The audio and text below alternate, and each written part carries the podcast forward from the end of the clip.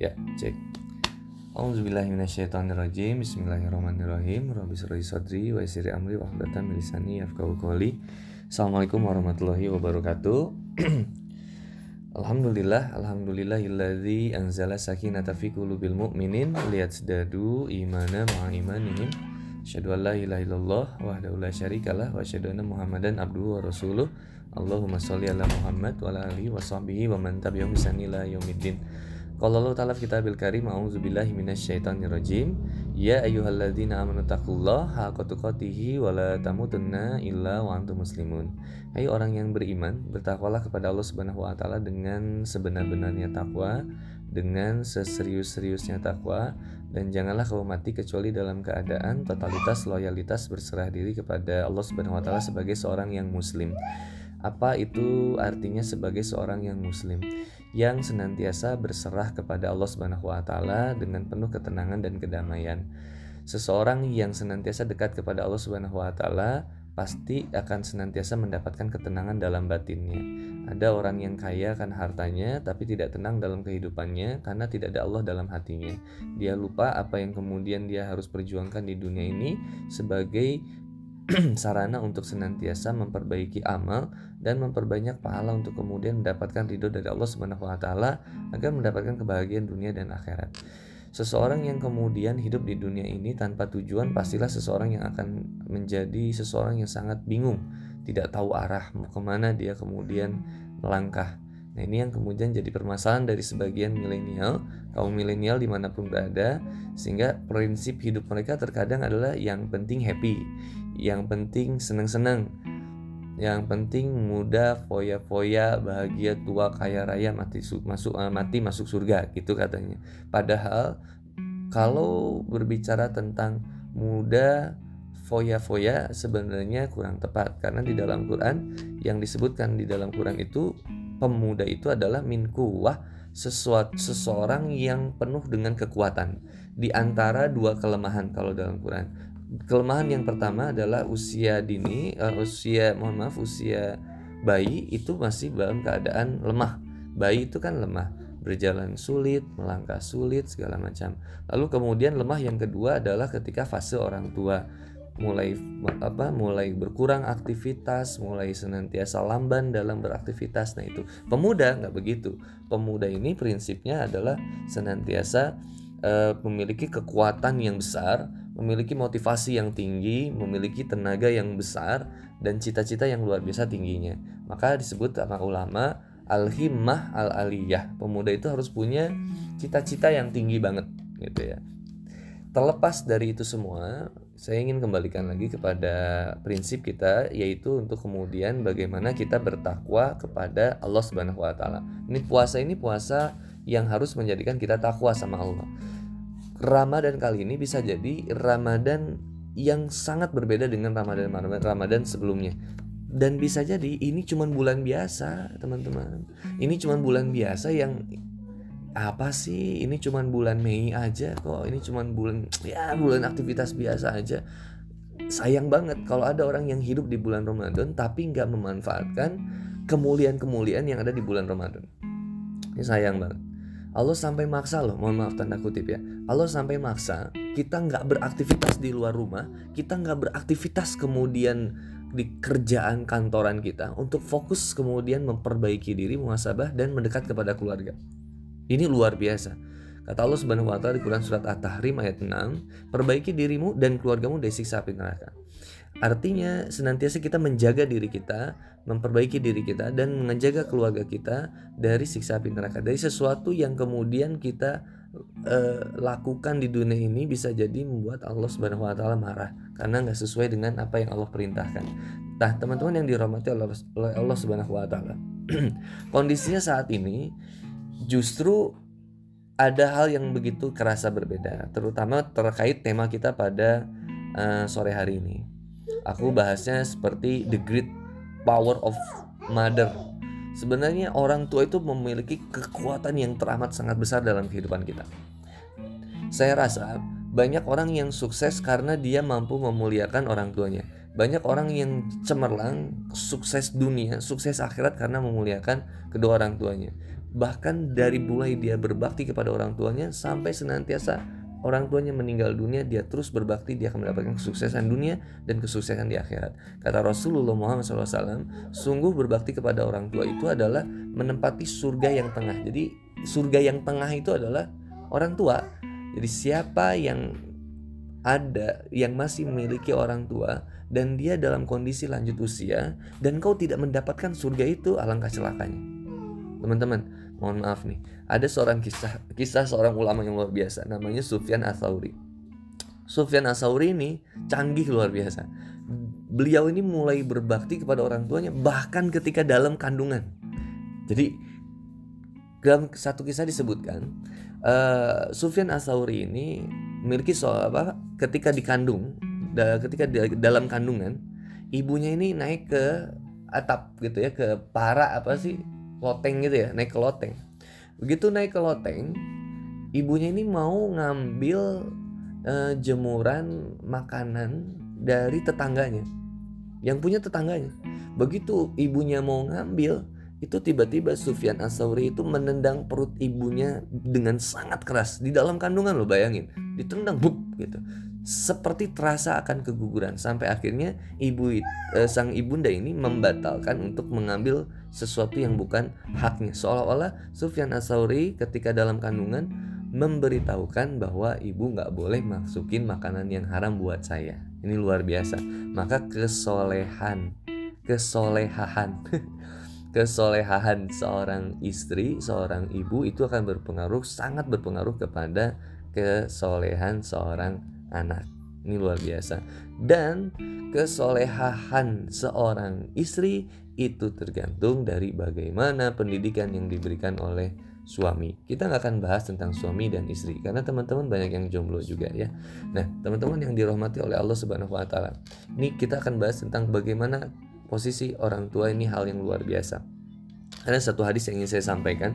Tadi saya sempat catat uh, kata Rasulullah Muhammad Shallallahu Alaihi Wasallam uh, dari Anas bin Malik bahwa suatu ketika Rasulullah SAW itu naik ke mimbar dan kemudian tiba-tiba bersabda amin amin amin. Lalu kemudian sahabat bertanya ya Rasulullah kenapa kok tiba-tiba kau mengatakan amin? Seolah-olah ada yang mendoakanmu. Lalu kemudian kata Rasulullah SAW telah datang kepadaku malaikat Jibril dan berkata wahai Muhammad hina dinalah seorang yang mendengar namamu disebut lalu tidak bersalawat untukmu maka ucapkanlah amin maka aku ucapkan amin kata Rasulullah SAW maka kalau ada yang bilang Nabi Muhammad SAW kita harus ikut berselawat ya. Kemudian Jibril berkata lagi, hina dinalah seorang yang mengalami datangnya bulan Ramadan namun hingga bulan itu berakhir ia tidak memperoleh pengampunan Allah dari dosa-dosanya, ucapkanlah amin. Maka kemudian Rasulullah SAW mengucapkan amin. Lalu kemudian Jibril berkata lagi, Hina dinalah orang yang selama hidupnya mengalami kehadiran ibu ayahnya, namun mereka tidak sempat memasukkannya ke dalam surga. Ucapkanlah amin. Lalu kemudian Rasulullah SAW mengucapkan amin. Lalu setelah itu Rasulullah SAW bersabda, celakalah dia, celakalah dia, celakalah dia. Ditanyakan siapa ya Rasulullah? Beliau bersabda, barang siapa yang mendapati orang tuanya telah lanjut usia, salah satu atau kedua-duanya, lalu ia tidak bisa masuk surga. Ini luar biasa, teman-teman yang dirahmati oleh Allah Subhanahu wa taala. Kalau berbicara tentang orang tua nih hal yang sangat-sangat sensitif bagi beberapa orang karena saya nggak tahu di antara 50 viewers di sini dari milenial binar BI, BI ini saya nggak tahu ada yang kehilangan ibunya ada yang sudah kehilangan ayahnya ada juga yang sudah kehilangan keduanya maka ini mohon maaf seandainya saya kemudian harus uh, mengungkit kembali bagaimana sebaiknya kita berkorban kepada orang tua kita. Nah, yang pertama, Rasa-rasanya pengorbanan orang tua itu dari sejak dulu sampai sekarang sangat teramat sangat besar. Teman-teman boleh lihat.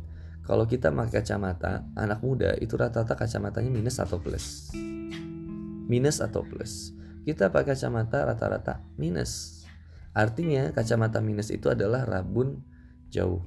Sedangkan orang tua itu kalau pakai kacamata rata-rata rabun dekat atau plus rata-rata pakai kacamata plus Anak muda kacamata minus, orang tua pakai kacamata plus. Apa hikmah muhasabah yang bisa kita gali dari sini? Anak muda kacamatanya minus, artinya dia rabun jauh. Dia nggak bisa ngelihat yang jauh. Dia selalu berbicara tentang yang penting saya happy, yang penting saya bahagia, yang penting saya, yang penting saya, yang penting saya. Itu egonya luar biasa anak muda. Tapi orang tua kacamatanya plus rabun dekat. Dia bisa lihat yang jauh, tapi dia rabun dekat. Dia nggak bisa lihat yang dekat. Apa hikmahnya? Orang tua peduli sangat peduli sama anaknya. Dia bisa ngelihat dengan jelas bagaimana yang dibutuhkan oleh anaknya, meskipun dia lupa bagaimana kepentingan dirinya sendiri. Yang penting anak saya bahagia. Sedangkan anaknya berpikir yang penting saya bahagia. Ini luar biasa. Padahal kesuksesan anak itu tergantung dari bagaimana seorang anak itu memuliakan orang tuanya. Teman-teman yang dirahmati oleh Allah Subhanahu wa taala. Maka hari ini terbatas jarak, terbatas waktu, terbatas kondisi yang luar biasa. Teman-teman dipaksa untuk kemudian tidak mampu menemui orang tuanya. Maka saya saranin pertama, jangan bosan telepon orang tua. Yang kedua, kalau ada uang untuk kebutuhan orang tua tolong dikirimkan. Apa pun kasih aja Even itu harus ngejual handphone kita, lalu kita downgrade handphone kita. No problem brother. Yang penting orang tua kita bahagia. Gimana caranya? Ini teguran buat saya. Kadang kita mohon maaf sama temen, sama pacar apalagi itu baiknya luar biasa. Kok sama orang tua kasarnya luar biasa. Kalau pacar nelfon itu lama nelfonnya. Tapi kalau orang tua nelfon, kenapa cuma sebentar?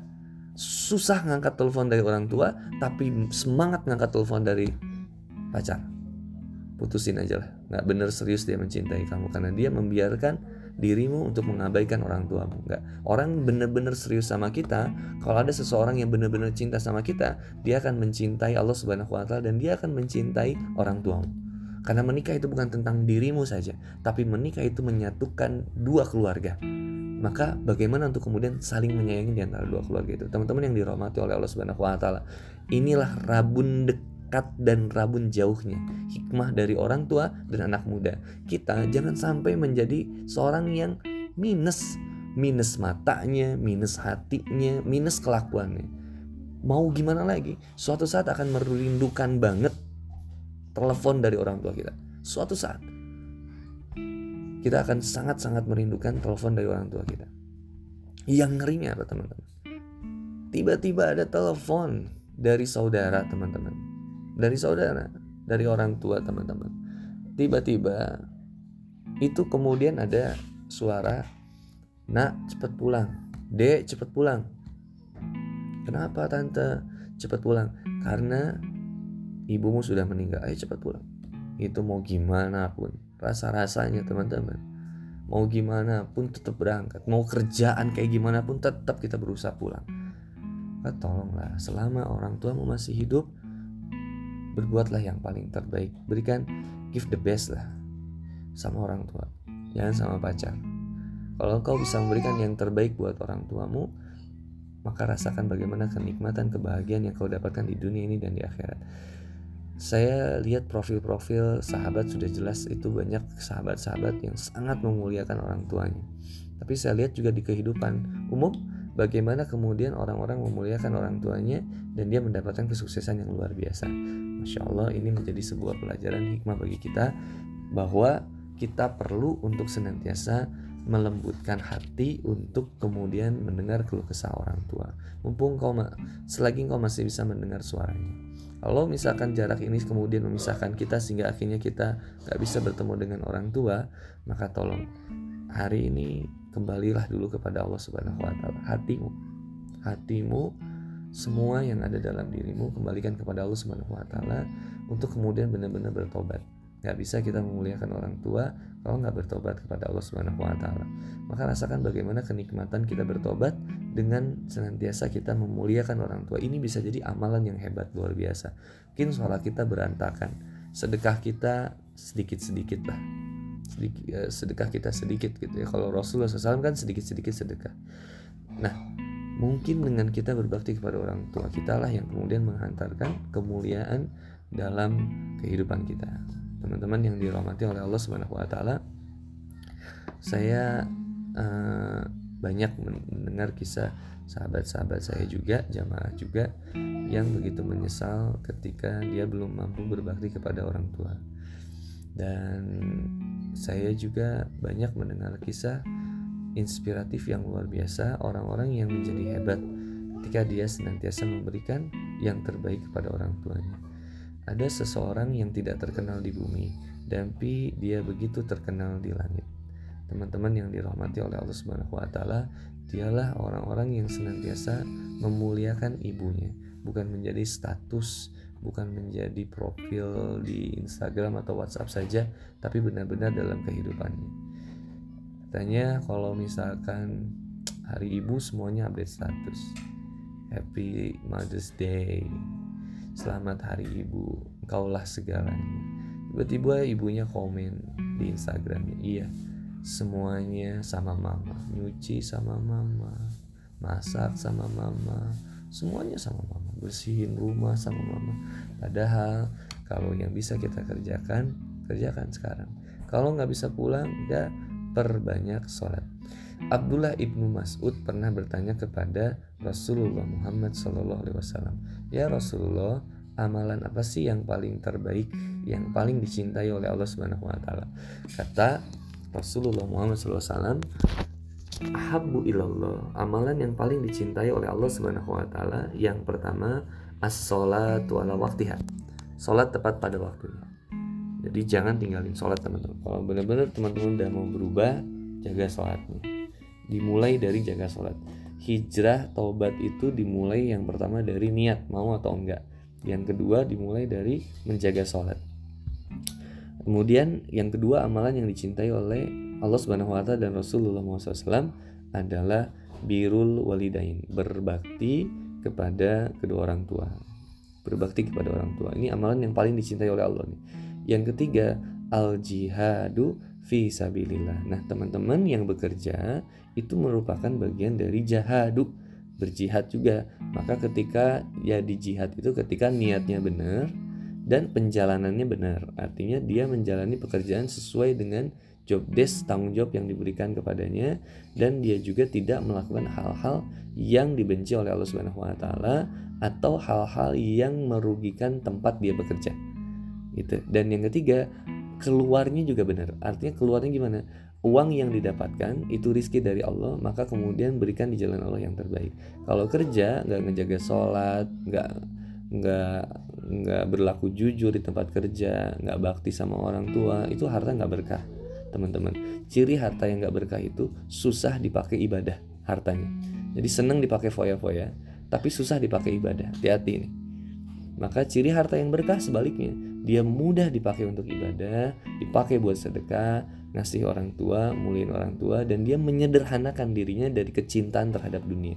Simpel aja sebenarnya. Jadi uh, ini yang kemudian amalan-amalan yang dicintai oleh Allah Subhanahu wa taala dan Rasulullah SAW. Jaga sholat, jaga sayang orang tua, birul walidain. Yang ketiga, al jihadu fisabilillah, berjihad bersungguh-sungguh di jalan Allah Subhanahu wa taala. Teman-teman yang dirahmati oleh Allah Subhanahu wa taala, saya uh, akan kemudian buka sesi tanya jawab nanti kita ngobrol sharing uh, ada yang mau menambah apa? Ada yang mau bertanya atau ada yang mau menambahkan juga nanti diperbolehkan dipersilakan. Ya saya buka dulu ini komennya. Nah Pak Agus Kusaini send a request. Boleh ya ini nanti teman-teman boleh kemudian uh, sharing aja lah. Apa sih amalan yang bisa dikerjain ketika kita jauh orang tua kita jauh juga? Yaitu tadi saya minta di Ramadan ini ada amalan yang nggak boleh disia-siain teman-teman. Satu saum. Ini nggak boleh ditinggalin nggak boleh disia-siain. Saum berpuasa lah. Kecuali hate. Dan hate itu cuma buat cewek. Cowok nggak ada hate. Ya. kecuali hide hidden menyembunyikan dirinya untuk kemudian buka di siang hari. Nggak boleh. Saum. Yang kedua sholat. Jaga sholat. Sholat tuh ala waktiha. Sholat tepat pada waktunya teman-teman. Yang ketiga perbanyak bersedekah. Bersedekah di bulan Ramadan tuh berlipat-lipat. Sedekah itu hmm, macam-macam nggak harus dengan harta tapi kebaikan. Sebaik-baiknya sedekah itu senantiasa kalau saat ini adalah memberikan sedekah kepada yang berpuasa. Jadi yang berpuasa itu dikasih makanan buat berbuka itu mantap banget. Nah itu jadi amalan yang buat hate juga. Jadi teman-teman yang lagi hate itu mau mau memuliakan bulan Ramadan apalagi di 10 hari terakhir ini salah satunya adalah bagiin makanan ngasih makanan ya. Kemudian yang keempat eh sorry sorry. Satu tadi apa? Mau dua sholat. Nah sholatnya ini ada bukan hanya sholat wajib yang lima tapi sholat sunnah juga. Sholat kubla apa sholat uh, rawatib juga ya. Sholat pada subuh kobla subuh kemudian uh, sholat dua, sholat sebelum subuh dua rakaat ya kobla subuh. Kemudian sholat kobla zuhur empat rakaat kemudian ba'da zuhur dua rakaat ba'da maghrib dua rakaat ba'da isya dua rakaat. Atau sholat duha dua empat delapan ya. Dua dua rakaat empat rakaat atau delapan rakaat. Dua dua dua dua dua semuanya. Atau qiyamul lail atau sholat tarawih. Itu jaga juga semampu kita semampu kita. Lalu setelah sholat sedekah ya. Sedekah. Satu saum dua sholat tiga sedekah Nah, termasuk sedekah ini bisa diniatkan untuk kemudian tol minta kepada Allah untuk senantiasa menjaga orang tua kita. Ya, boleh tuh. Teman-teman bagiin makanan, minta doanya orang tua apa buat orang tua kita semoga diberikan kesehatan ya, bisa umroh bareng ya. Oh, itu sedih banget, teman Yang ketiga uh, apa tadi? Saat oh, baca Quran. Uh, tilawah Quran, tilawatul Quran, baca Quran jangan cuma jadi pajangan dibaca Qurannya. Nggak apa-apa terbata-bata itu juga dicintai oleh Allah Subhanahu Wa Taala meskipun terbata-bata ya teman-teman. Jadi meskipun terbata-bata juga tidak masalah. Tapi ada upaya untuk kemudian kita senantiasa membaca Al-Quran. Nah, satu jaga saumnya dua jaga sholatnya tiga bersedekah di jalan Allah Subhanahu Wa Taala. Yang keempat membaca Al-Quran. Nah yang kelima uh, ud'uni astajib lakum. Berdoalah kepadaku pasti aku akan kabulkan. Jadi banyak-banyakin doa. Karena di bulan Ramadan itu doanya diijabah sama Allah. Jadi meskipun jarak memisahkan jauh di mata tapi dekat di doa. Itu nggak masalah. Banyakin doa. Doain orang tua kita. Ya doain saudara-saudara kita juga. Ya semoga kita diberikan kekuatan. Ini lima poin. Termasuk minta doa diistiqomahkan teman-teman. Minta aja doanya. ya, supaya apa? Supaya Allah jaga kita. Maka dari itu penting banget buat kita itu senantiasa memperhatikan amal-amal soleh yang biasa kita kerjakan. Jadi jangan dianggap biasa lah. Nanti juga kalau kita udah meninggal kantor itu bakal cari pegawai baru. Kita mau udah dilupain dah dilupain biasa makanya amalan-amalan yang bisa kita kerjakan inilah yang akan senantiasa melanggengkan kita ya Allah alam bisawab teman-teman kalau ada yang mau bertanya tafadol dipersilakan. Saya kembalikan ke Aisyah.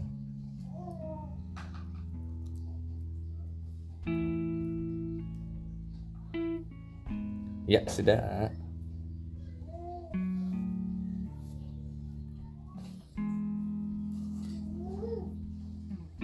Mm siap siap.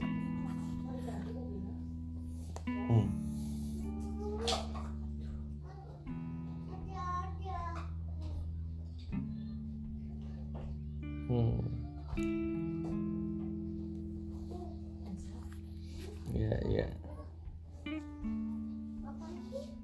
Iya.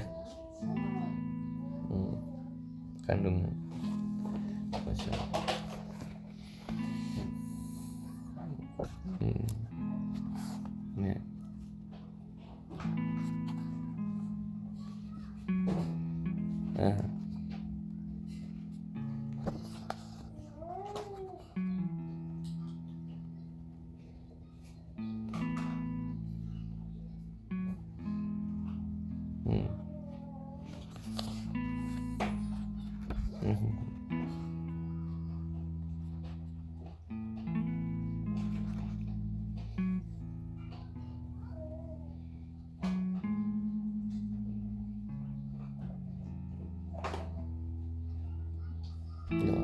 yes benar.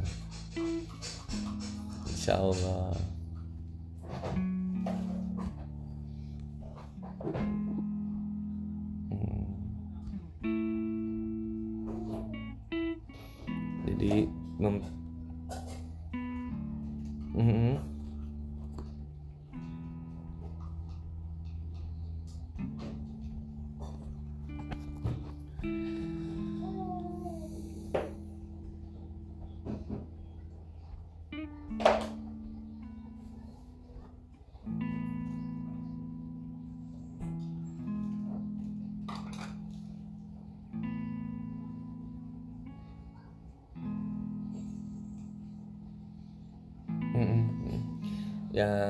Pertama, eh, setidak baiknya orang tua kepada kita tetap ada pengorbanan dia yang luar biasa. Bagaimanapun dia tetap orang tua kita.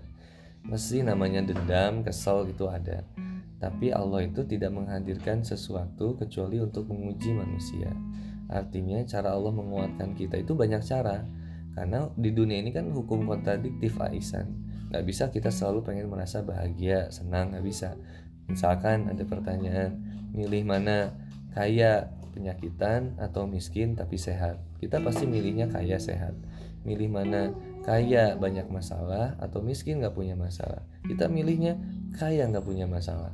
Pengennya yang seneng-seneng aja semuanya. Nggak pengen disakitin, nggak pengen dikhianatin, nggak pengen dimarahin, nggak pengen pokoknya pengen yang seneng-seneng semua. Pertanyaannya siapa kita? Karena pada dasarnya kita ini manusia yang senantiasa diuji oleh Allah Subhanahu wa taala. Dan tugas kita di bumi ini tujuan kita diciptakan oleh Allah sebenarnya bukan buat jadi membalas keburukan orang. Kata Allah Subhanahu wa taala di Quran surat Az-Zariyat ayat 56, "Wa ma khalaqtul jinna wal insan illa liya'budu." Dan tidaklah dan tidaklah Allah menciptakan jin dan manusia kecuali untuk beribadah kepada Allah. Maka kalau kita melihat ini menjadi sarana ibadah ketika sudah dewasa balik sebagaimanapun buruknya sikap orang tua kepada kita tetaplah bersikap menjadi baik. Karena menjadi baik itu lebih baik. Menjadi penting itu baik tapi menjadi lebih baik itu lebih penting. Dan bagaimana cara membalas kebaikannya? Insya Allah itu bisa menjadi hidayah. Kata Allah Subhanahu wa taala, "Wala tastawil hasanatu wala sayyi'ah idfa billati hiya aslan fa izal ladzi bainaka bainahum adawatun ka'annahum waliyun hamim. Kata Allah Subhanahu wa taala, berbeda kejahatan dengan keburukan. Tolaklah kejahatan itu dengan kebaikan.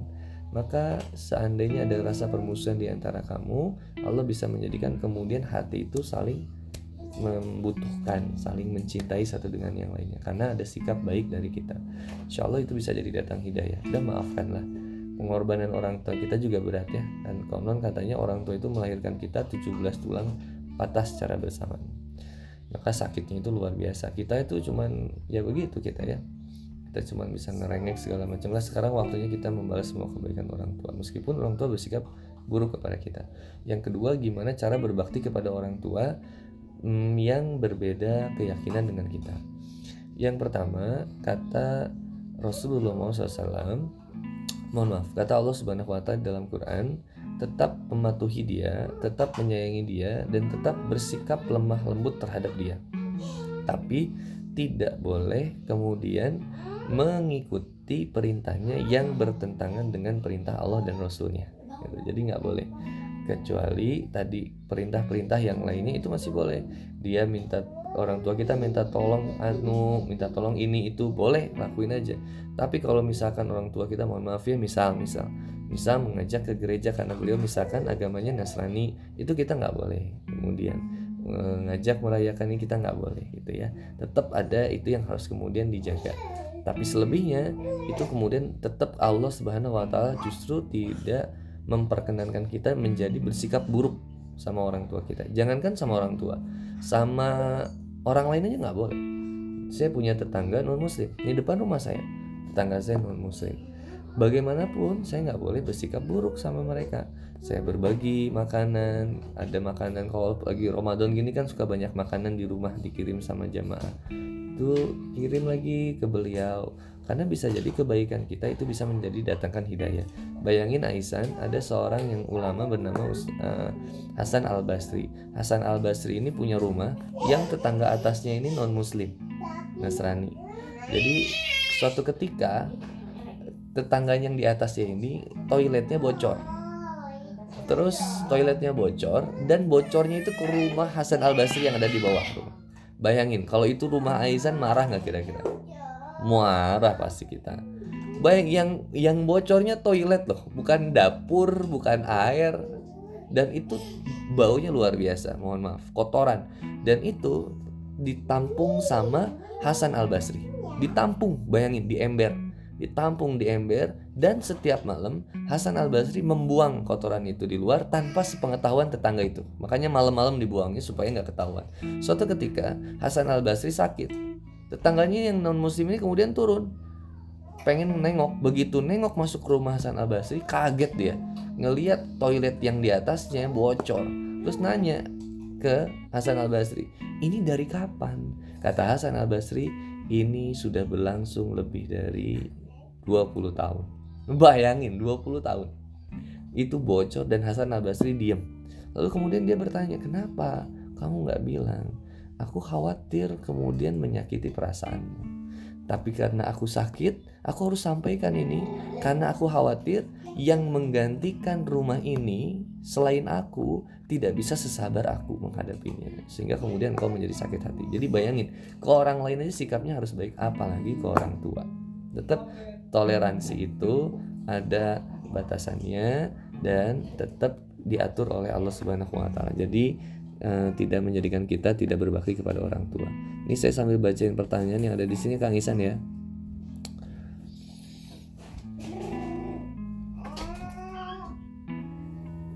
Oh iya ya.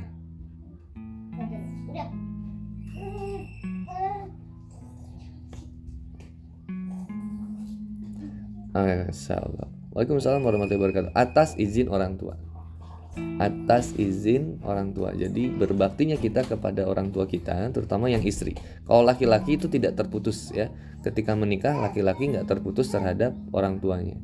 Kalau wanita beda, baktinya udah sama suami gitu. Gimana gimana sama suami semuanya. Karena sudah ada ijab kabul, udah ada uh, serah terima lah gitu ya dari orang tua kepada suami. Jadi tanggung jawab Aisan sekarang ini ada yang namanya misakun gorizo uh, misalkan golizo itu adalah perjanjian yang amat sangat berat di pundak kita.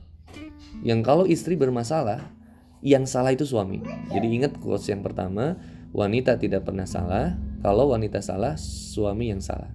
Gitu ya. Wanita itu selalu benar gitu. Kalau pria benar, wanita lebih benar ya gitu. Jadi kebayang nggak tanggung jawabnya gitu ya sebagai suami. Uh, uh, jadi tetap harus izin ke orang ke, ke suami. Termasuk tadi kayak mau ngi mau izin mau nengok segala macam ya. Mau membantu segala macam. Nah suami itu dituntut untuk lebih mengerti lebih paham untuk kemudian memberikan kesempatan kepada istrinya juga ruang kepada istrinya untuk bersilaturahmi dan juga menunaikan kebaikan terhadap orang tua itu boleh kayak suatu misalkan rumahnya jauh ini ya. Uh, kemudian istrinya diajak ke rumah orang tuanya gitu ke rumah orang tuanya istri. Untuk kemudian kita berlama-lama di sana. Nah ini teman-teman uh, yang bagi yang sudah menikah jangan sampai punya hubungan buruk sama mertua nggak baik. Jadi gimana caranya kita jaga hubungan baik terus insya Allah. Allah walam bisawab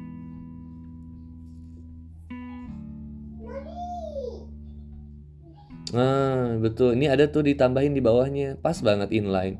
Bagaimana tips untuk bisa berbakti pada mertua? Apabila yang kurang satu misi. Ya, benar. Makanya menikah itu bukan tadi ya, yang menikah itu bukan hanya me menyatukan eh, dua individu bukan, tapi menyatukan dua keluarga. Maka bagaimana caranya menyatukan banyak mata menjadi satu visi, kemudian banyak kaki tapi menjadi satu langkah, Kemudian banyak hati menjadi kemudian satu hati. Yang bisa menyatukan ini semua sebenarnya adalah kembali kepada Allah Subhanahu wa taala. Waqtasimu bihaq lillahi jami'an wala tafarraqu. Berpegang teguhlah kalian, berpegang teguhlah kepada tali agama Allah kalian semuanya dan janganlah bercerai-berai. Nah, yang buat kita satu visi itu adalah agama sebenarnya. Maka agama itu kan bahasa Sanskerta yang artinya A dan gamma itu kan tidak, A itu tidak, gamma itu kacau. Maka ketika disatukan agama itu tidak kacau. Maka agama itu mengatur agar kehidupan manusia tidak kacau.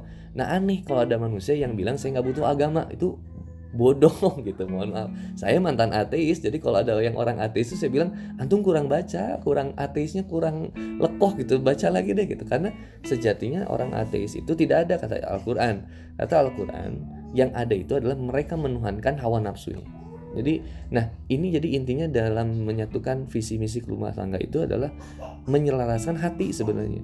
Maka kata Rasulullah Muhammad SAW uh, ada segumpal daging dalam tubuh manusia itu yang kalau ini buruk semuanya buruk. Apa itu? Hati. Maka kalau misalkan ya mohon maaf kalau mertua kita kurang baik kita yang bersikap baik. Kalau orang mertua kita begini kita yang begini. Terus saja dilawan begitu. Jadi sikap kita selalu menunjukkan sikap yang terbaik. Tapi itu bukan rekayasa. Memang berusaha untuk kemudian totalitas ikhlas kita melakukannya. Bismillah aja. Dan bukan ngarepin diri kita dipandang jadi mulia enggak. Kita ini semuanya ada celah. Cuman masalahnya terkadang cara pandang kita terhadap kesalahan itu salah. Kita selalu memandang kesalahan menggunakan teropong tapi tidak menggunakan cermin kalau lihat pakai teropong, kesalahan apa pun dalam diri seseorang itu pasti kelihatan. Tapi coba lihat pakai cermin. Bukankah doa bercermin itu Allahumma kama hasan takholki fasini kuluki. Ya Allah sebagaimana engkau telah memperindah rupaku, maka memperindahlah ahlakku. Ahlak itu kan kaitannya dengan hati. Bagaimana kemudian kita berbicara dengan hati, melihat dengan hati, mendengar dengan hati, merasa dengan hati juga. Kalau hatinya isinya cinta sama Allah, ala bizikrillah tatsmainul qulub, itu kayaknya kita mudah deh menjelaskan visinya. Jadi buat Ajun Ajun siapa nih?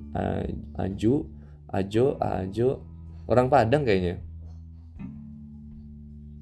Oh Ayu. Ini cewek. Oh Ayu. Iya teh Ayu Mbak Ayu jadi gitu. Jadi kalau kita yang lebih bersabar aja. Allah Allah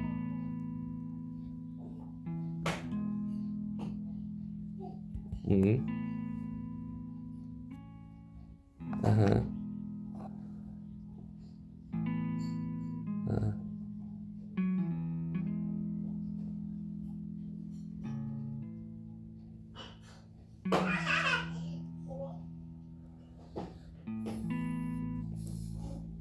Kurang budeng gimana jadinya? Dia kerja mudik udah lama merantau jauh oke okay, dari SMP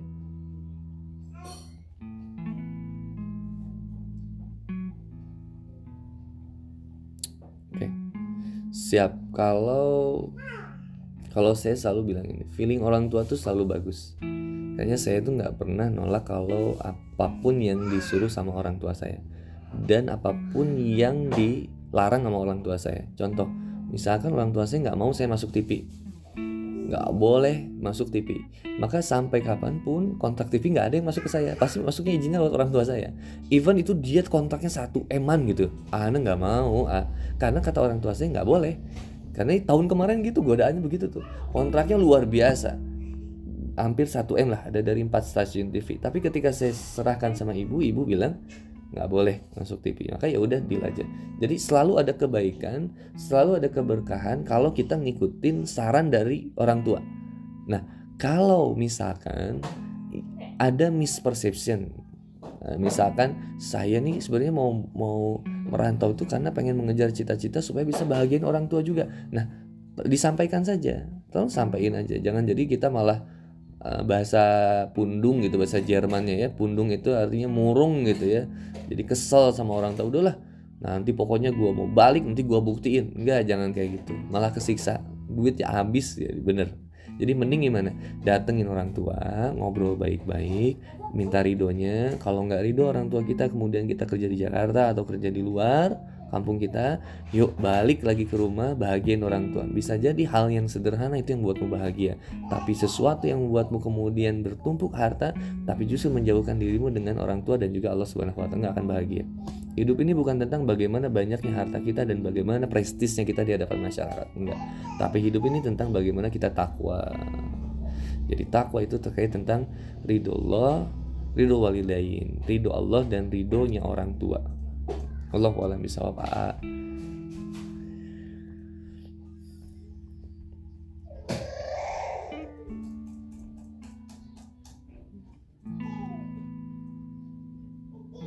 Hmm. Ya pasti itu. Nah ini ya ada yang ngejawab dari pertanyaan Kang Sarius. Assalamualaikum warahmatullahi wabarakatuh. makna hadis yang bunyinya kurang lebih ridho Allah tergantung pada ridho kedua orang tua dan murka Allah tergantung pada murkanya orang orang tua iridollahi fi ridho walidain itu ada kisahnya seorang anak itu yang sampai kemudian terpotong kakinya karena doa orang tuanya. Murkanya lihat bayang murkanya. Makanya ibunda Imam Syafi'i itu kalau marah sama anaknya itu lihat marahnya. Ingat marah kita kan bisa jadi doa jadi doa itu nggak cuma doa yang baik yang dikabul yang jelek juga dikabul apalagi sekarang bulan Ramadan kita ngedoain yang buruk bisa dikabul itu hati-hati apalagi ke anak jadi anak Imam Syafi'i itu ketika didoain sama orang tuanya kalau lagi marah orang tuanya karena kelaku apa karena uh, Imam Syafi'i waktu itu lagi main gitu ya kemudian nakal mungkin kalau orang tua kan suka kesel tiba-tiba orang tuanya bilang gini hei dasar kamu calon imam masjid Masjidil Haram. Waduh, marahnya berkelas ya gitu. Uh, jadi luar biasa. Kan kita ini di, di distorsi pemikiran kita dengan kisah maling kundang yang tiba-tiba doa orang tua bilang aku kutuk kamu jadi batu. Ini mengajarkan yang nggak baik bagi anak kita kalau diceritain kisah maling kundang. Dan itu dongeng gitu. Maksud aku yang paling terpenting itu sebenarnya adalah doa yang baik ataupun buruk itu bisa diijabah sama Allah. Nah murkanya orang tua itu bisa jadi murkanya Allah. Kenapa? Karena Allah nggak suka kalau lihat ada anak yang menghinakan menyepelekan mendustai kecintaan orang tuanya. Itu murka banget Allah karena betapa pentingnya sampai ke Rasulullah Muhammad SAW itu sampai bilang ibumu, ibumu, ibumu tiga kali, baru ayahmu. Saking pentingnya bagaimana memuliakan ibu. Makanya kalau ibu masih kayak Ihsan, mohon maaf, Ihsan masih masih ibu masih ada.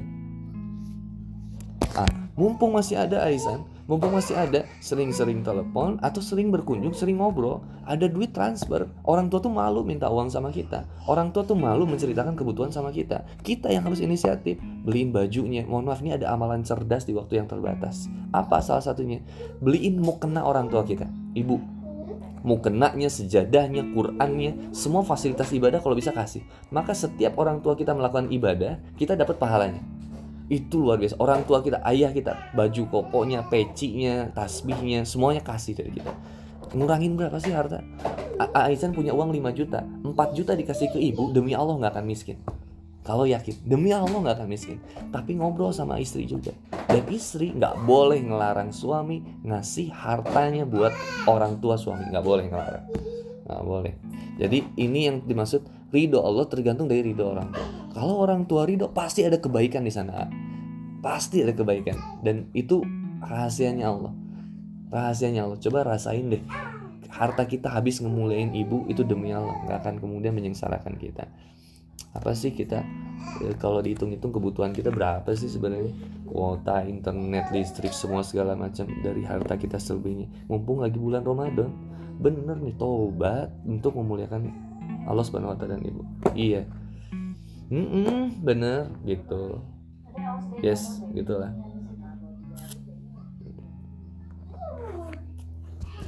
Iya, alhamdulillah, alhamdulillah.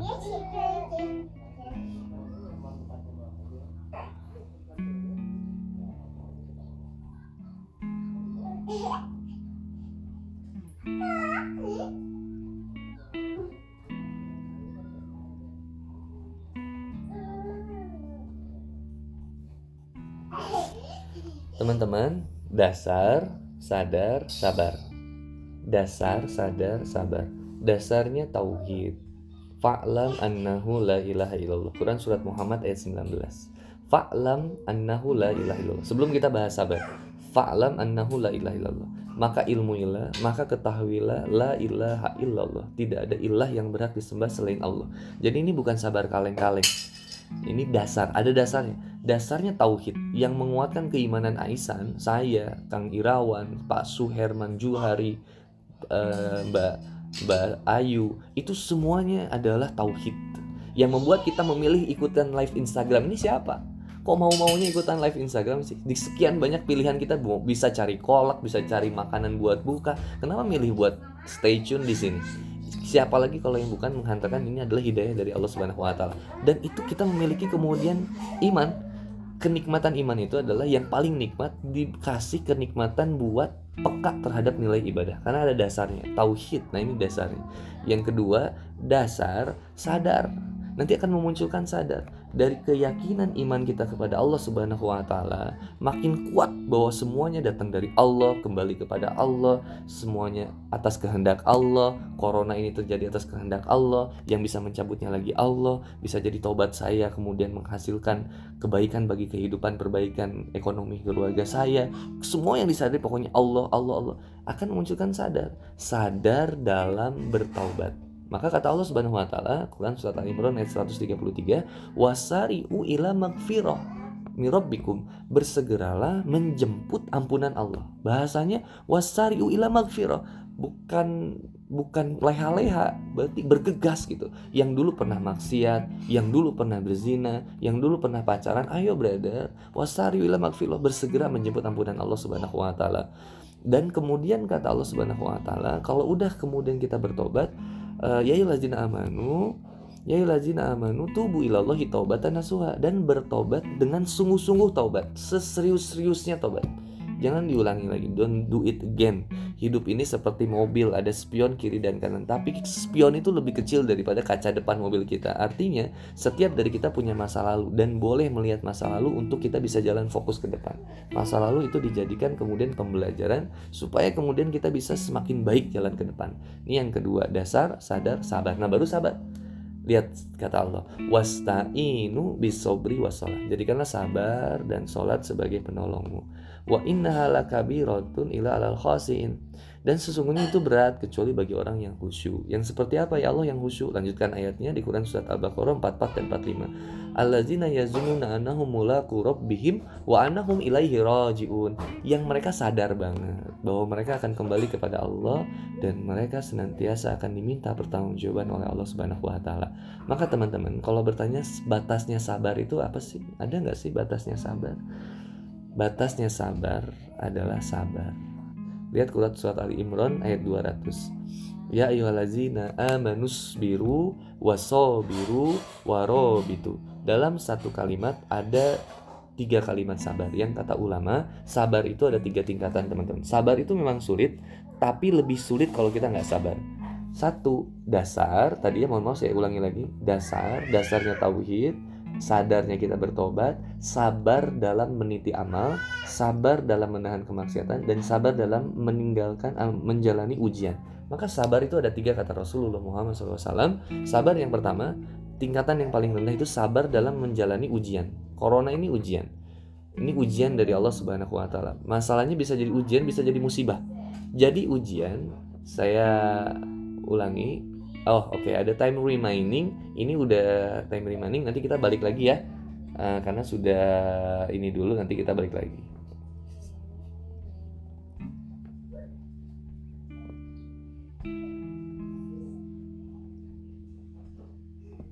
Aduh aduh, aduh gimana sih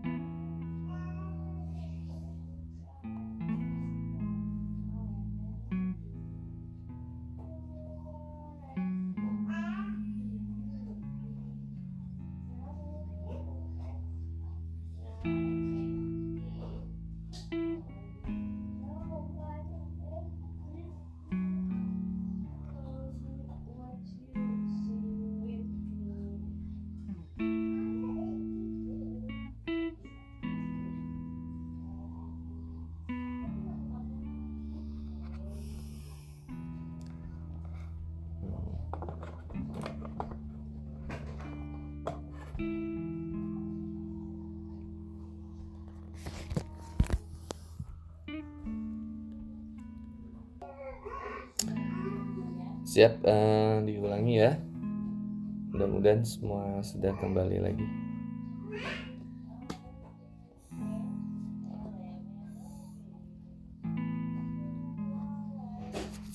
siap oke okay. Insya Allah mudah-mudahan uh, tanpa mengurangi konsentrasi teman-teman semua dan kenyamanan kita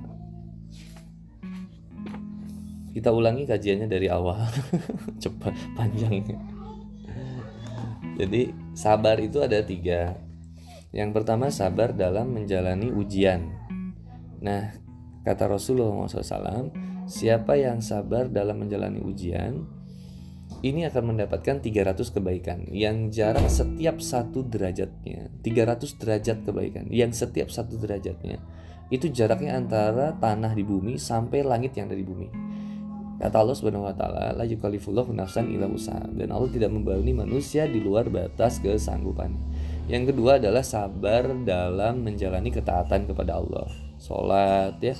Kemudian sabar dalam baca Quran itu perlu sabar. Sholat kan perlu sabar. Kalau sholat nggak pakai sabar kayaknya kita langsung sholat tanpa wudhu itu.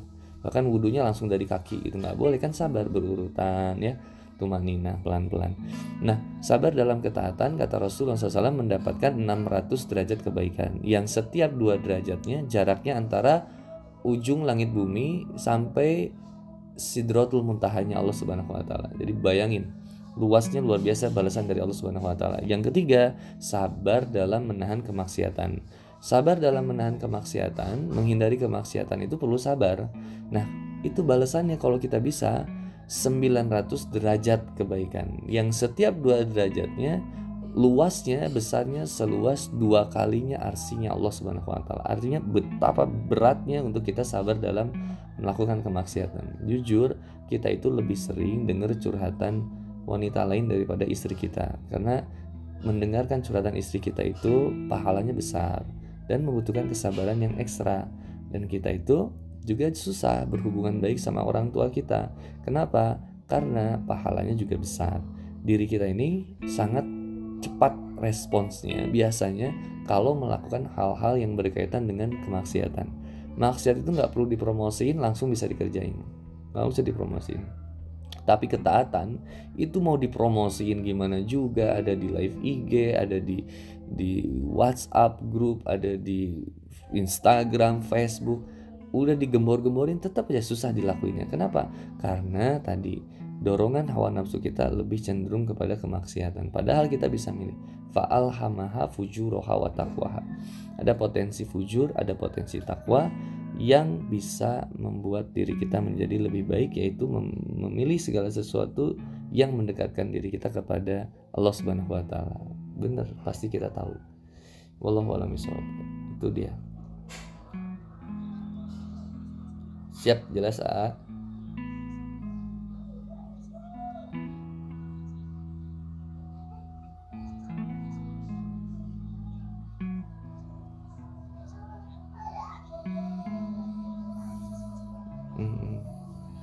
Mm -mm, ya. Mm.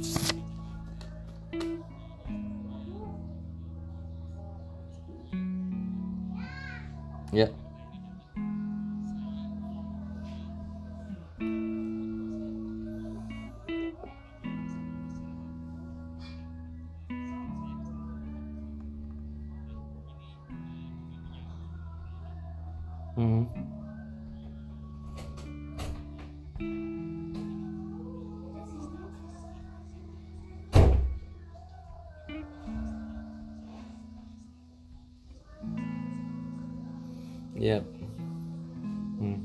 Yang pertama sebagai anak yang tunggal berarti ya uh, untuk berbakti kepada orang tua. Nah ini uh, pentingnya uh, rumah tangga itu adalah membangun komunikasi.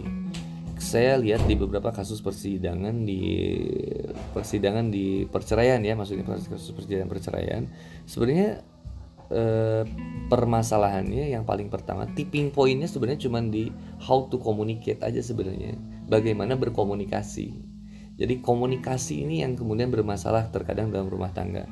Cuman ngobrol dan waktu yang terbaik buat ngobrol juga udah diatur sama Rasulullah SAW kata Rasulullah SAW bagi suami istri itu waktu yang ngobrol bagus itu yaitu pada isya.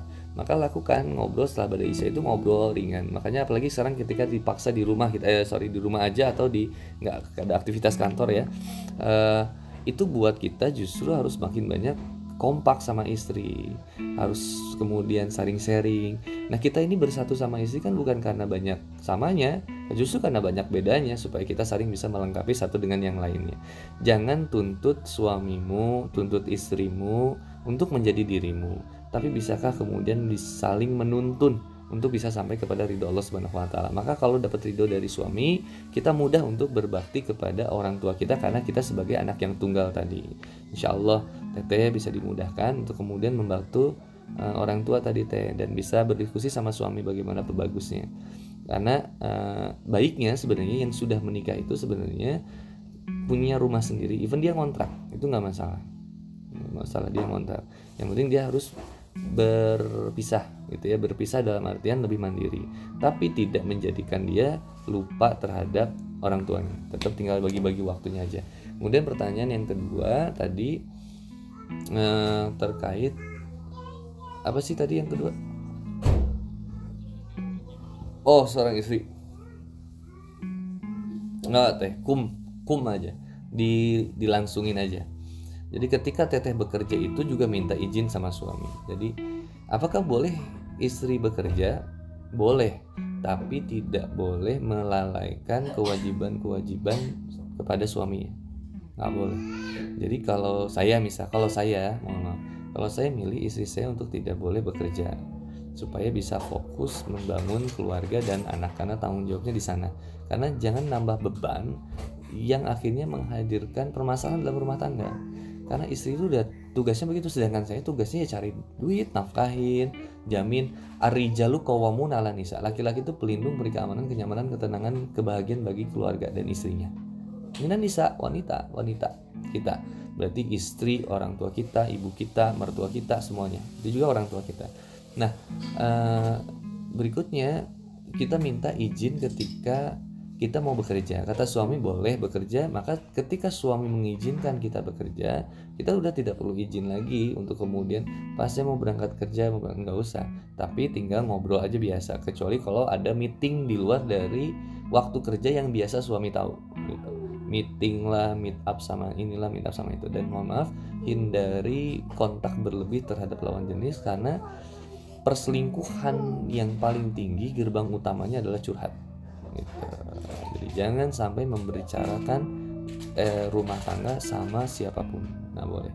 Kalau AA misalkan ada masalah sama istri maka bicarakanlah kekurangan istri itu sama orang tua istri kalau istri punya masalah sama suami maka bicarakanlah kekurangan suami itu curhat dulu sama mertua berarti sama orang tuanya su suaminya gitu. Ngobrol dulu gimana ya mah begini ah tuh begini. Bukan ngadu tapi lebih tahu karena orang tua kita itu lebih tahu bagaimana kondisi kita sebenarnya.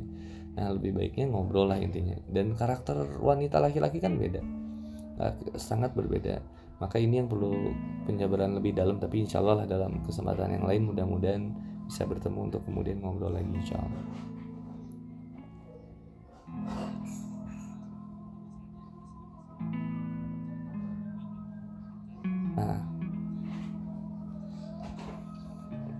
Hmm.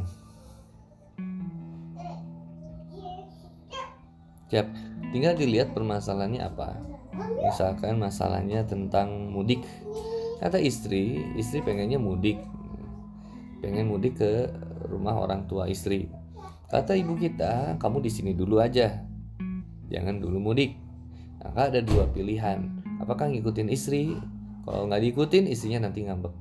Kalau nggak diikutin orang tua, orang tuanya yang ngambek. Maka kemudian kita perlu yang paling pertama adalah pengertian dari istri untuk kemudian memenuhi keinginan dari orang tua. Baru setelah kita ngikutin perintah orang tua, baru kemudian kita berangkat ke rumah. Kalau misalkan kondisinya tadi tentang terkait mudik ya, atau kondisinya tentang uang, kita punya uang satu juta, istri kita butuh, orang tua kita juga butuh Nah ini yang kemudian kita perlu uh, intinya mohon maaf ya balik lagi intinya ngobrol sebenarnya sama istri untuk kemudian bisa mengerti bagaimana kita bisa memaksimalkan bantuan kita kepada orang tua kita. Kalau kalau misalkan kondisinya uh, orang tua kita bisa diajak ngobrol baik-baik, bisa diajak ngobrol pelan-pelan, maka diskusi dulu sama orang sama orang tua. Maksud saya jangan juga dibiasakan kita selalu tunduk dengan keinginan istri. Nggak boleh selalu tunduk dengan keinginan istri. Tapi memenuhi kebutuhan istri itu wajib gitu. Even dia cuma beli make up. Saya saya rasa seorang suami yang baik itu akan menyediakan anggarannya untuk skincare-nya untuk segala karena itu kebutuhannya. Kalau kita bisa ya penuhi. Kalau kita nggak bisa ya udah bilang gitu. Tinggal ngobrol. Ada duit kagak? Kagak nih. Ya udah. Kalau ada duit ya udah ngomong mam kamu mau skincare nggak? Mau belanja nggak? Mau apa? Kan enak jadinya.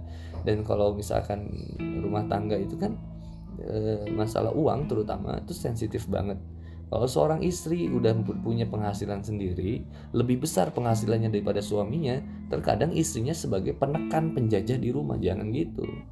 Karena ngerasa saya yang lebih berkuasa di rumah karena saya yang berpenghasilan lebih besar. Jangan kayak gitu. Tetap tempatkan dirimu serendah-rendahnya di hadapan suami maka kata Rasulullah Muhammad SAW, seandainya aku memperkenankan seseorang manusia bersujud kepada manusia lagi, maka aku akan memerintahkan seorang istri untuk bersujud kepada suaminya. Luar biasa nggak? Saking bagaimana kemudian Rasulullah SAW ingin menekankan bahwa seorang istri harus tunduk patuh kepada suami atas dasar kecintaan kepada Allah. Gitu. Jadi ngobrol baik-baik. Uh, uh, sebenarnya sebalik ke sana sih. Jadi mau mau mau maaf ya, mau agama apa pun, permasalahan rumah tangga itu cuman even bicara tentang how to communicate. Nah, masalahnya, mohon maaf, Islam itu mengatur sangat-sangat detail. Ah. Maka ketika saya belajar Islam, Islam itu sangat mengatur detail sampai urusan itu gitu. Jangankan urusan gitu, ah. masuk toilet aja diatur, makan pakai tangan apa diatur. Maka Allah Subhanahu wa taala menyampaikan di Quran surat Al-Maidah Al yauma akmaltu lakum dinakum wa asmamtu alaikum nikmati wa raditu lakum Islam Madinah. Maka pada hari ini telah kusempurnakan agamaku untukmu, telah kucukupkan nikmatku bagimu dan telah kujadikan Islam sebagai agama yang aku ridho. Ini jadi Masya Allah luar biasa deh kalau kita lihat. Kalau saya butuh aturan kehidupan, saya butuh aturan yang paling lengkap. Dan Islam itu jawaban bagi diri saya pada saat itu, termasuk dalam keluarga beberapa teman saya juga alhamdulillah sama begitu. Walaupun agamanya non muslim pendekatannya juga saya sampaikan pendekatan secara agama. Dan mereka jalani dan saya nggak harus maksa dia masuk agama. Saya nggak usah. Like hafidin kota bayan itu pilihan mereka masing-masing. Wallahualam mudah-mudahan bermanfaat insyaallah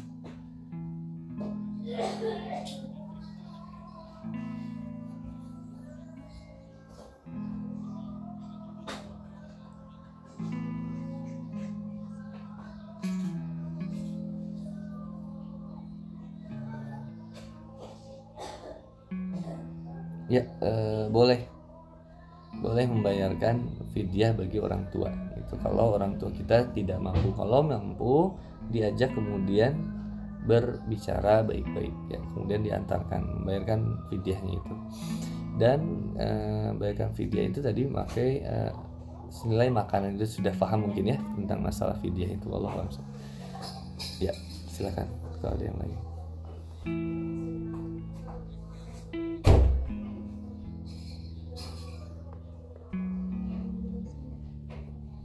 ini kayak ini?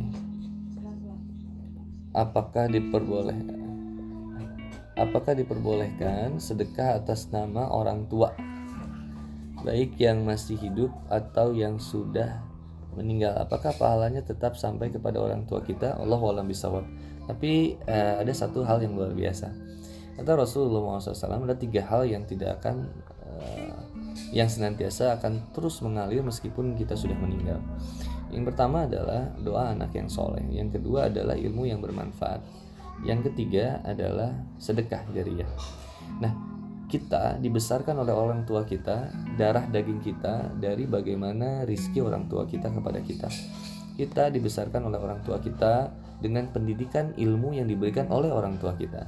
Maka setiap kebaikan yang kita lakukan, insya Allah akan menjadi pahala yang terbaik bagi kedua orang tua kita harta kita yang kemudian kita berikan akan menjadi pahala yang terbaik bagi kedua orang tua kita. Allah bisa. Jadi setiap niat sedekah itu selalu begitu. Kalau ngasih ke pengamen itu jangan cuma ngasih pengamen supaya pengamennya pergi. Itu namanya hasanah, cuma berbuat baik. Kalau bisa sambil doain, ya Allah mudah-mudahan dari uang ini kau menyehatkan orang tuaku. Kau menerima amal pahala orang tuaku, tambahkan jadi pahala. Kayak gitu boleh gitu. Yang yang yang tidak mengalir itu adalah sedekah kita kepada selingkuhan kita. Itu tidak mengalir itu nggak boleh. Itu nggak nggak boleh ya.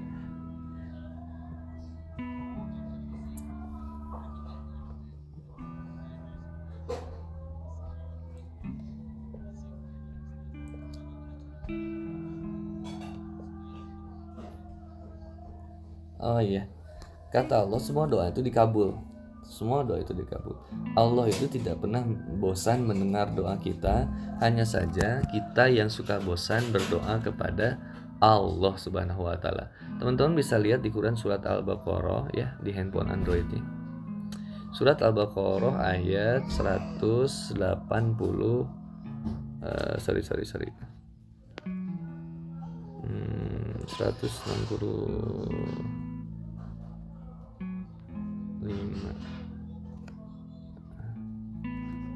satu aduh anak lupa ya.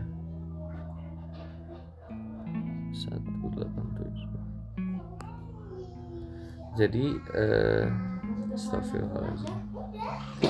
ketika kita pengen dipercepat dikabulkannya doa itu sesederhana. Allah kan tadi ya Allah itu tidak pernah bosan mendengar doa kita hanya kita yang suka bosan berdoa kepada Allah Subhanahu wa taala.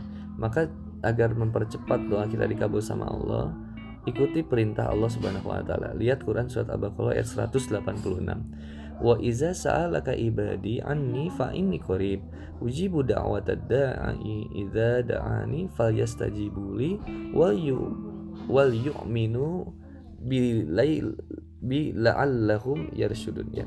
Kata Allah Subhanahu wa taala, "Dan apabila hamba-hambaku bertanya kepadamu, Muhammad, tentang aku, maka sesungguhnya aku itu dekat. Aku kabulkan permohonan orang-orang yang berdoa apabila dia berdoa kepadaku. Hendaklah mereka itu memenuhi perintahku dan beriman kepadaku agar mereka memperoleh kebenaran." وإذا سألك عبادي عني فإني قريب أجيب دعوة الداع إذا دعاني فليستجيبوا لي وليؤمنوا بي la'allahum yarshudun. Jadi intinya hendaklah mereka itu memenuhi perintahku. Jadi do what Allah love and always love what Allah said. Lakukan apa yang Allah cintai dan cintai apa yang Allah sampaikan. Terus yang kedua, uh, beriman kepada Allah wal yuminu wal yu'minu beriman kepada Allah Subhanahu wa taala agar mereka memperoleh jalan kebenaran. Jadi ini yang satu, satu perintah, uh, jalani perintah Allah, penuhi perintah Allah, jaga sholatnya, ya, berbaik sama orang tua dan seterusnya. Yang kedua, iman kepada Allah, yakin. Jadi harus yakin. Yang ketiga, berdoa. Jadi perlu berdoa jadi tetap aja berdoa harus tetap berdoa syarat berdoa itu tadi angkat tangan. Bisa mengangkat tangan kemudian dekatkan kepada sejajar ini boleh. Kalau Rasulullah SAW tuh ketika perang Badar doanya sampai diangkat tangannya ke atas banget. Kemudian urutan dalam berdoa satu zikir. Berzikir kepada Allah la ilaha illallah ya. kemudian memuji asma Allah. Alhamdulillah alamin hamdan yuafi ni'amahu wa yukafi mazidah. Ya rabbana lakal hamdu kama yang bagi li jalali wajhika wa sultanik Lalu kemudian bersalawat kepada Nabi. Allahumma sholli ala Muhammad wa ala ali Muhammad. Lalu kemudian berdoa kepada Allah. Itu doanya. Jadi apa pun insya Allah. Dan perhatikan waktu-waktu diijabah dalam berdoa. Antara azan dengan iqomah. Ketika berbuka puasa. Itu banyakin berdoa meskipun dalam hati. Gitu. Lalu ketika eh, sepertiga malam ya kemudian ketika dizolimi ya kayak kalau lagi macet itu daripada mencaci pemerintah mencaci jalanan ah nggak akan nyelesain masalah. Udah jadi doa aja. Ya insya Allah berkah. Hmm.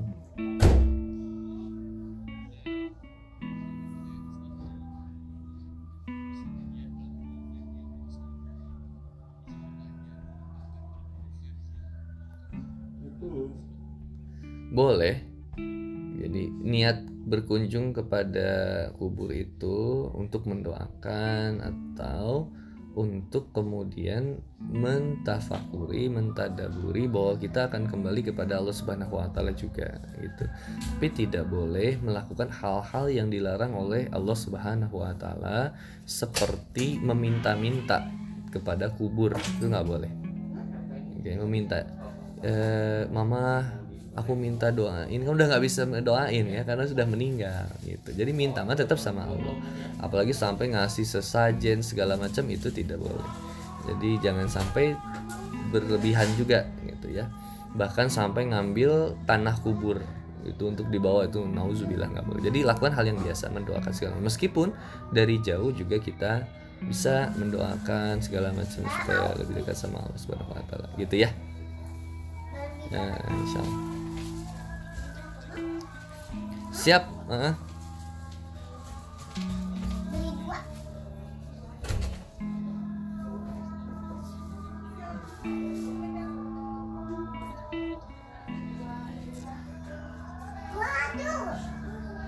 Bener banget, bener banget itu banget. Uh, lihat nanti di Quran surat uh, Ali Imran. Uh, Ali Imran ayat Masya Allah Ali Imran maaf ya anak lupa nih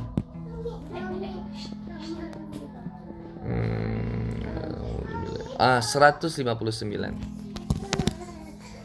A'udzubillahiminasyaitonirrajim Bismillahirrahmanirrahim Fabima rahmatim minallahi linta lahum ولو كنت فظا غليظ القلب لانفضوا من حولك فاعف عنهم واستغفر لهم وشاورهم في الأمر فإذا عزمت فتوكل على الله إن الله يحب المتوكلين maka berbekat rahmat Allah Subhanahu wa taala engkau berlaku lemah lembut terhadap mereka sekiranya kamu bersikap keras dan berhati kasar tentulah mereka menjauhkan diri dari sekitarmu karena itu satu fa'fu anhum maafkanlah mereka yang kedua, wastagfir lahum. Ini hebat banget. Allah nih masya Allah. Kata Allah yang pertama, maafkanlah mereka dan mohonkanlah ampun untuk mereka. Jadi kalau yang salah orang tua, kita disuruh sama Allah maafin mereka. Yang kedua, minta ampunan kepada Allah untuk mereka sifat itu. Wih hebat banget. Ya Allah, ampunilah orang tua saya begitu ya Allah karena begitu mereka tidak tahu. Dia menyakiti hati saya, dia begini sama saya dah. Satu maafin, yang kedua doain supaya diampunin sama Allah. Yang ketiga, wasawirhum fil amri. Maka bermusyawarahlah uh, kepada orang tua atau siapa pun orang yang bertentangan dengan urusan itu. Jadi kalau ada berbeda pendapat mau sama istri tetap sikapnya begini. Satu, maafkan, kedua minta ampun kepada Allah atas sifat itu atas keburukan itu. Yang ketiga, wasawirhum fil amri tetap bermusyawarah terhadap uh, urusan-urusan yang kita sedang hadapi tadi. Lalu kemudian apa setelah itu? Faiza azam tawa fatawakal Allah. Maka berikutnya kemudian kita diajak untuk membulatkan tekad dan bertawakal kepada Allah, serahin sama Allah. Innallaha yuhibbul mutawakilin. Sungguh Allah mencintai orang-orang yang bertawakal itu serahin sama Allah aja. Ingat mantra kehidupan yang sering Kang Boni sampaikan, ada dua hal yang harus kita ingat dan ada dua hal yang harus kita lupain. Hal yang harus kita ingat adalah kebaikan orang sama kita dan keburukan kita sama orang lain itu harus diingat. Dan ada dua hal yang harus kita lupain, lupain kebaikan kita sama orang lain dan lupain keburukan orang sama kita itu bikin hati kita lembut. Jadi kalau ada perbedaan pendapat dengan orang tua maupun mertua, dah sikapnya tadi satu. Satu, fakfirlah, fak, uh, fak, uh, anhum, maafin. Wastag, uh, wastagfir lahum dan uh, mohonkan ampunan. Lalu berikutnya adalah Eh, wasawirhum fil amri bermusyawarah terhadap urusan itu lalu kemudian uh, berazam bertekad untuk kemudian bertawakal kepada Allah Subhanahu wa taala. Allah bisawab. Insyaallah mudah-mudahan diberikan kelembutan hati untuk senantiasa bisa mengerti.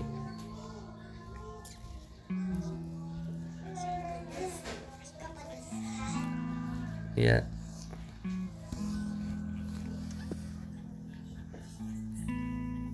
Insya Allah AA Masya Allah.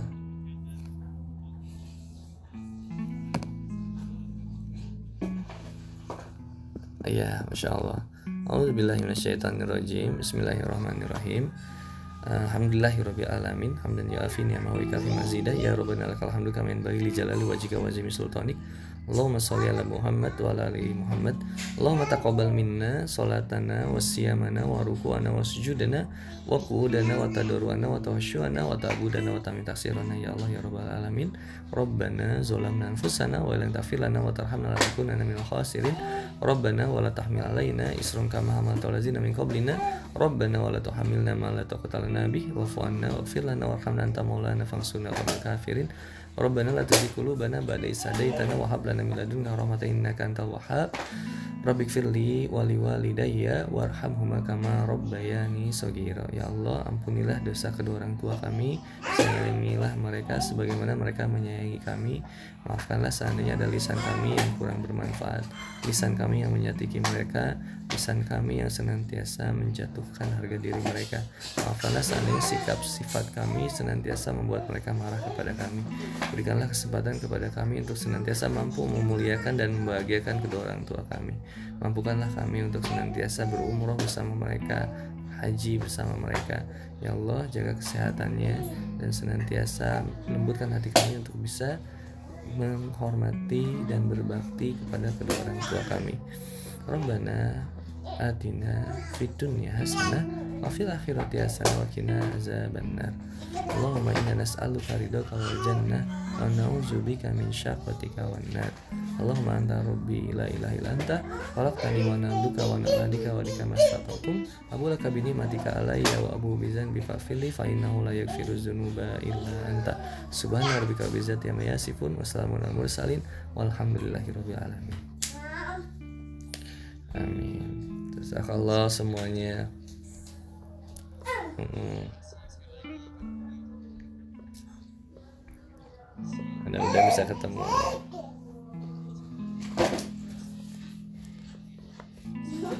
Amin. Amin insyaallah. Insyaallah. Insyaallah. amin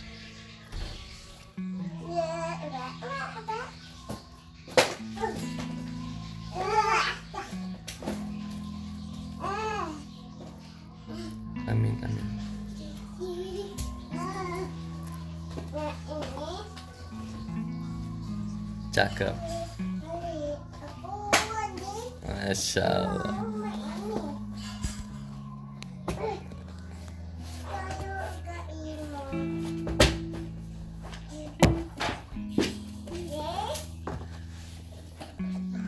iya. Waalaikumsalam warahmatullahi wabarakatuh.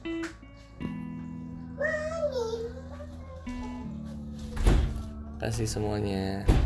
Assalamualaikum.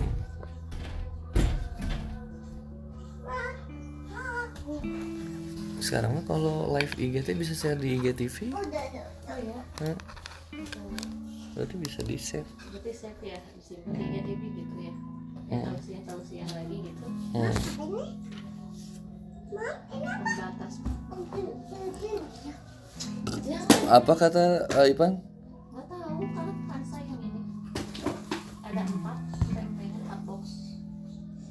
Kebanyakan atau? Lihat tuh.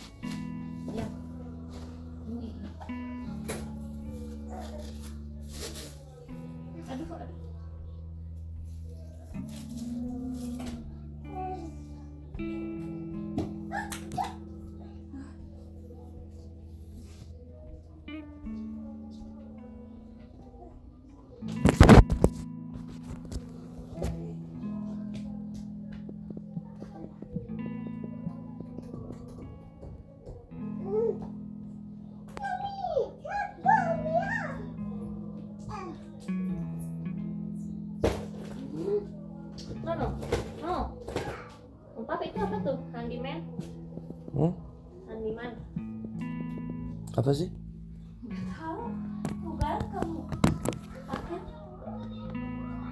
Masa apa? Kok pipis gitu? Udah aku mau pesen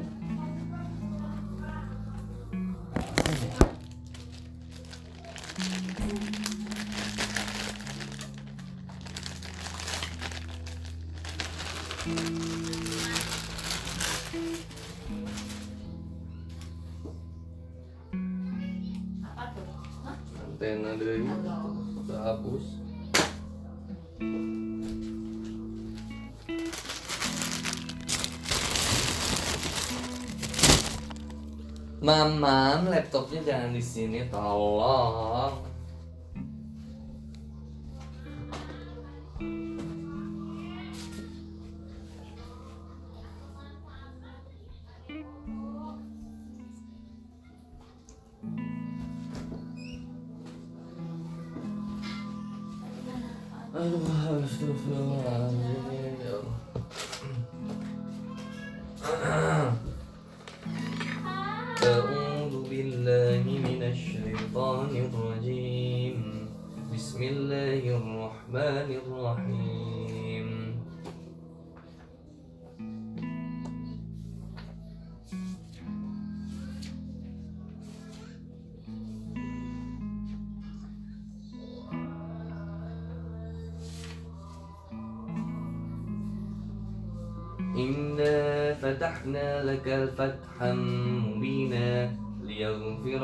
الله ما تقدم من ذنبك وما تأخر ويت- ويتم نعمته عليك ويهديك صراطا مستقيما. وينصرك الله نصرا عزيزا. والذي أنزل السكينة في قلوب المؤمنين ليزدادوا إيمانا مع إيمانهم. ولله جنود السماوات والأرض وكان الله عليما حكيما. ليدخل المؤمنين والمؤمنات جنات تجري من تحتها الأنهار خالدين فيها ويكفر ويكفر عنهم سيئاتهم.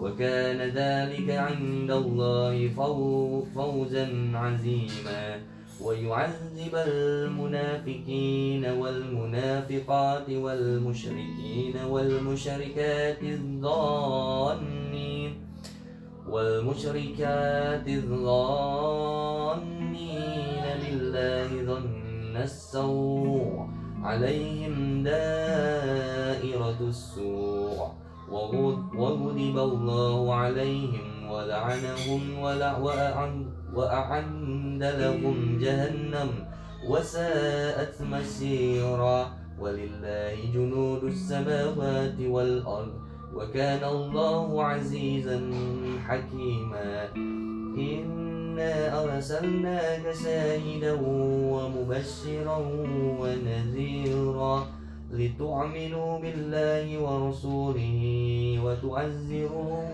وتوفروه وتسبحوه بكرة وأسيلا إن الذين يبايعون إن الذين يبايعونك إنما يبايعون الله يد الله فوق أيديهم. فمن نكث فإنما ينكث على نفسه ومن أوفى بما عاهد عليه الله فسيعطيه أجرا عظيما سيقول لك المخلفون من الأعراب سغلتنا أموالا أموالنا وأهلنا فاستغفر فاستغفر لنا يقولون بألسنتهم ما ليس في قلوبهم. قل فمن يملك لكم من الله شيئا إن أراد بكم ضرا أو أراد بكم نفعا بل كان الله بما تعملون خبيرا. بل ظننتم أن لن ينقلب الرسل. الرسول والمؤمنون إلى أهليهم أبدا وزين وزين ذلك في قلوبكم وظننتم ظن السوء وكنتم قوما بورا ومن لم يؤمن بالله ورسوله فإنا أعتدنا للكافرين سعيرا سعيرا ولله ملك السماوات والأرض. يغفر لمن يشاء ويعذب من يشاء.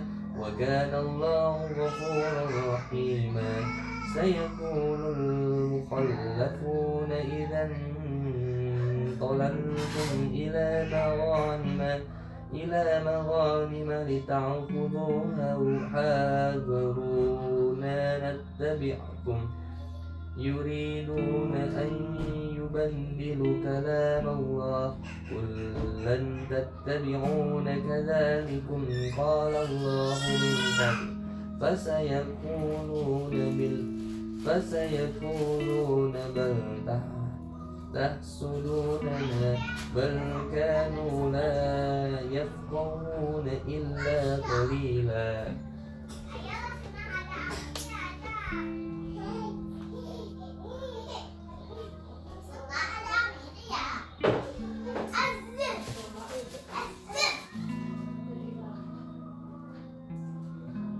Elsa HP papa mana? HP papa tahu.